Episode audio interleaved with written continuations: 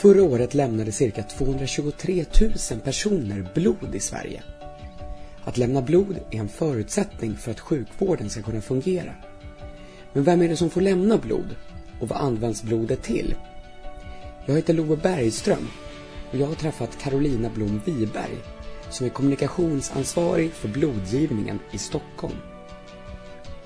Det här är en podd från Vakano. Vakano är en informations- och utbildningsportal inom vård, omsorg och hälsa. Du hittar oss på vakano.se. Nu sitter jag här på blodcentralen vid Hötorget i Stockholm med Carolina Blom Wiberg som är kommunikationsansvarig för blodgivningen i Stockholm. Hej! Hej! Kul att vara här. Kul att få en chans att berätta lite om blodgivning. Vad är det du gör specifikt här? Mitt arbete handlar om att få människor att förstå hur viktigt det är att ge blod och att få våra blodgivare att känna sig uppskattade för att de ger blod och försöka rekrytera nya. Och varför då ska man lämna blod? Ja, alltså ifall vi inte lämnar blod så kan inte sjukvården fungera. Det är en förutsättning för att vi ska kunna ha en fungerande sjukvård. För blod kan inte tillverkas på konstgjord väg utan det kan bara ges från människa till människa. Det är också en färskvara som bara håller i sex veckor.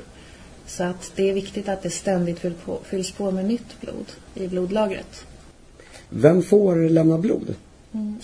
För att bli blodgivare så ska man ha fyllt 18 år men man ska inte ha fyllt 60 än. Så mellan 18 och eh, 59 kan man vara. Eh, och så ska man väga minst 50 kilo och så ska man vara frisk. Då kan man antagligen bli blodgivare. Då är man väldigt välkommen hit för att se om det går bra. Är det något man ska tänka på innan man eh, går och lämnar blod? Eh, nej, alltså, man ska ju komma hit en dag då man känner sig fullt frisk. Och man ska kanske inte ha tränat världens hårdaste träningspass precis innan. Man ska ha ätit och man ska ha druckit som vanligt. Åtminstone inte mindre än vanligt. Man ska känna sig stark och pigg. Och hur går det till när man lämnar blod? Alltså, allra första gången man kommer hit då eh, fyller man i en hälsodeklaration och sen så blir man, eh, får man, blir man provtagen. Så eh, man får ett stick i armvecket och så tar vi lite blod och skickar på analys för att se om man är lämplig som blodgivare. sen är det är första blodgivningen då är det samma sak. Det är en hälsodeklaration när man kommer hit och sen ett samtal med en sjuksköterska därefter. och sen man gå in och lägga sig på britsen i tappningssalen och eh, ta det lugnt en stund medan sjuksköterskan sticker en nål i armen och eh, tappar en påse blod. Hur mycket blod lämnar man? 4,5 deciliter är det varje gång. 4,5 deciliter, det klarar man sig utan? Ja, alltså man har mellan 4 och 6 liter i kroppen så det är ungefär en tiondel. Så det är inga problem att Nej, det är, alltså, ifall man väger minst 50 kilo som sagt, då kan man avvara det blodet och det produceras snabbt igen. Men eh, man ska dricka mycket under blodgivningen och sen ska man stanna kvar och ta det lite lugnt efteråt. Man ska inte ha bråttom och stressa utan det är viktigt att man tar det lite lugnt och fyller på med lite energi efteråt. Är det någonting annat man ska tänka på efteråt, just dagen efter och så? Eh, Ja, alltså man ska kanske inte gå och träna det hårdaste passet någonsin. Man får känna efter. De flesta känner absolut ingenting av en blodgivning. Men vissa personer kan känna sig kanske lite trötta eller sådär. Så att man får känna efter hur man mår, helt enkelt. Men som sagt, i de allra flesta fall så känner man inte av någonting. Vad händer med blodet eh, som, som man lämnar då? Man lämnar det här på blodcentralen och vad hände med det? Ja, några timmar senare så kommer våran, våra transportpersonal och hämtar blodet i stora väskor som fylls. Kylväskor kan man säga. Och kör iväg blodet till Huddinge, till Karolinska. Där vårt labb finns. Komponentenheten heter det och de tar hand om blodet och centrifugerar det och delar upp det i olika enheter. Och sen är det redo för att ges till patienter? Alltså. Ja, då delar man in det i röda blodkroppar, plasma och trombocyter. Och, eh, eh, ja, och sen så genomgår det förstås en rad tester och sen kan det frisläppas som det kallas efter att ha eh, analyserats och gå till en patient. Testa, te, testar man allt blod för sjukdomar Ja. som lämnas? Det måste man såklart göra eftersom det handlar om säkerhet för den patient som ska ta emot blodet. Så det blir en dubbelkoll kan man säga. Dels den patienten som ska testas, eller lämna blod. Eh, det blodet testas först och sen testar man blodet igen. Ja, det måste man göra för det kan ju ha varit ett smittotillfälle emellan eh, tillfällena. Kan det ändå slinka igenom eh, en sjukdom någonstans? Nej, det ska inte kunna göra det. Vi har hängslen och livrem för att det ska vara säkert. Men om man tittar internationellt så visst har det hänt att det har funnits eh, tillfällen då någonting har slunkit igenom. Men vi jobbar ju med regler från Socialstyrelsen och som sagt har hängslen och livrem för att det inte ska kunna hända. Har Sverige en säkrare blodgivning än andra länder? Det kan inte jag uttala mig om. Jag vet bara att vi har en extremt säker och noggrant reglerad blodgivning här i Sverige. Om det sker en stor olycka där kanske flera hundra personer är inblandade, räcker blodet som finns i lager då?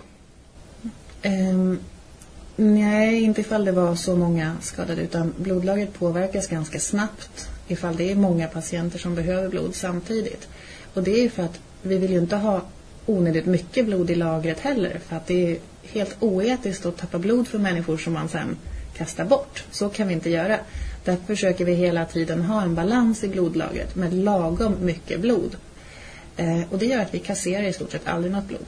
Men om det skulle hända någon stor olycka där väldigt många skulle behöva blod samtidigt, då skulle vi få kalla in blodgivare extra med akuta brist, eh, sms-kallelser. Skickar man ut då till alla blodgivare Det som man har man i systemet? göra. Det skulle man kunna göra. Är det också kanske personal på sjukhus som lämnar om det skulle hända en olycka?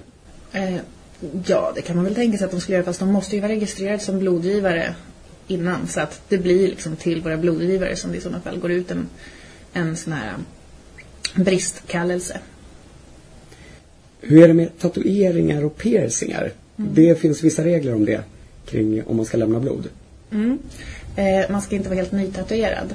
Eh, det är en karens på sex månader efter att man har tatuerat sig. Eh, det betyder att man får vänta sex månader efter att man har gjort en tatuering tills man kan komma och ge blod. Vad beror det på? Det handlar om risken för blodsmitta. Är det några, har man hittat någon gång en koppling mellan alltså just en tatuerad person och blodsmitta eller är det just för att det är nålar och Det är en extra säkerhets- blod. det är en extra säkerhetsåtgärd helt enkelt? Det är just därför att när man blir tatuerad så utsätter man sig själv för en smittorisk. Även om den är minimal så handlar det om säkerheten för den person som ska ta emot blodet. Och därför behöver vi en karens för att se att det inte har uppstått blodsmitta vid tatueringstillfället. Det är ni som tar en extra säkerhetsåtgärd kan man säga. Återigen, det är hängslen och livrem för att det ska vara säkert att få blod. Det är sjuka och skadade människor som tar emot blodet och eh, då måste blodet vara helt perfekt, rent och friskt.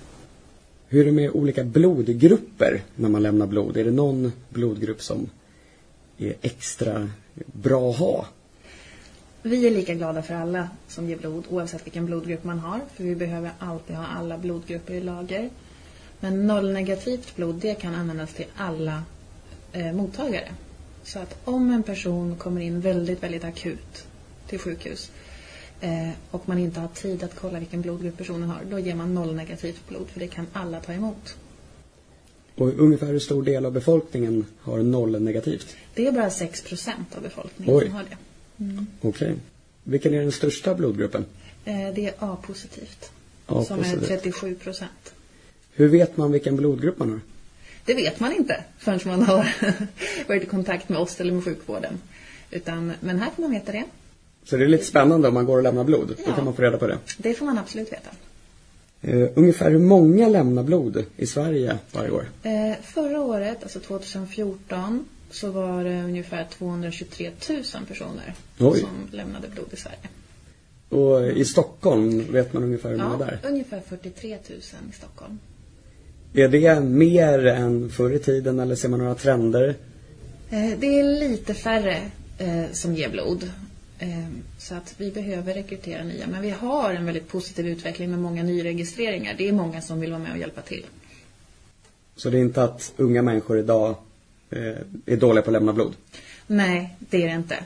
Fast vi behöver såklart arbeta hela tiden med att synas och vara aktuella och finnas i folks medvetande. Och det är vårt uppdrag att se till att blodgivningen blir uppmärksammad i samhället. Och på vilket sätt gör ni det? Vi försöker synas eh, på många olika sätt. Eh, för det första så har vi flyttat ut blodcentralerna i Stockholm i alla fall och på en del andra ställen i landet från sjukhusen och istället har vi dem nu i väldigt centrala lägen i stan. Så att man ska se det i sina dagliga ärenden. Så vi har i tunnelbanestationer och sådär. Så att vi ska vara tillgängliga på det sättet. Och sen har vi blodbussarna som rör sig runt för att skapa synlighet och tillgänglighet. Vi försöker finnas i sociala medier eh, och påminna där om hur viktigt det är att ge blod och berätta också om blodmottagare eh, vad blodet har betytt för dem.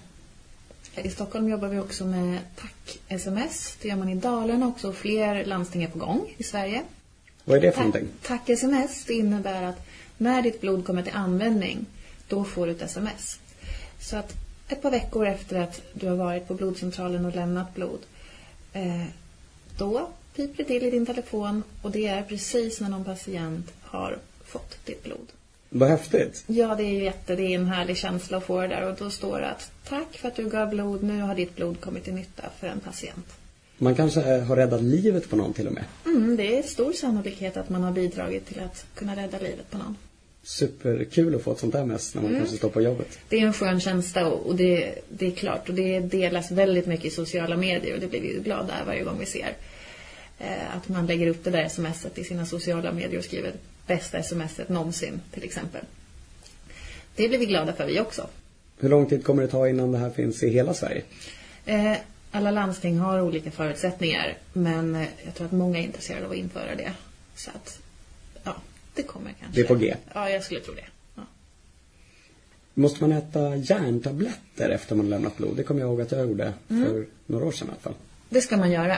Därför att man behöver fylla på eh, med järn när man har gett blod. Så att man ska äta de järntabletter som vi ger vid tillfället. Det järn som man får i sig genom maten, det hjälper inte i det här sammanhanget utan även om man äter en väldigt järnrik kost så behöver man ta sina järntabletter efter en blodgivning. Jag kommer ihåg att jag frågade hur mycket järn de här tabletterna innehöll för några år sedan och mm. då, för jag sa att jag åt leverpastej. Då sa de att du måste äta flera hundra mackor. Ja, jo, det blir ganska mycket leverpastej om du ska få ihop. Så att nej, det går inte att äta sig till det via maten utan man behöver ta sina järntabletter. Slarva inte med järntabletterna. Det skulle jag vilja säga. Tack så mycket Carolina Blom Wiberg härifrån blodcentralen vid Hötorget. Tack så mycket. Du har lyssnat på en podcast från informations- och utbildningsportalen Vakano. Och jag som intervjuare heter Love Bergström. Har du tips på andra spännande ämnen inom vård, hälsa och omsorg som vi kan göra poddar av så hör gärna av dig. Kontaktuppgifter hittar du på vakano.se där hittar du även andra intressanta poddar och artiklar. Välkommen dit!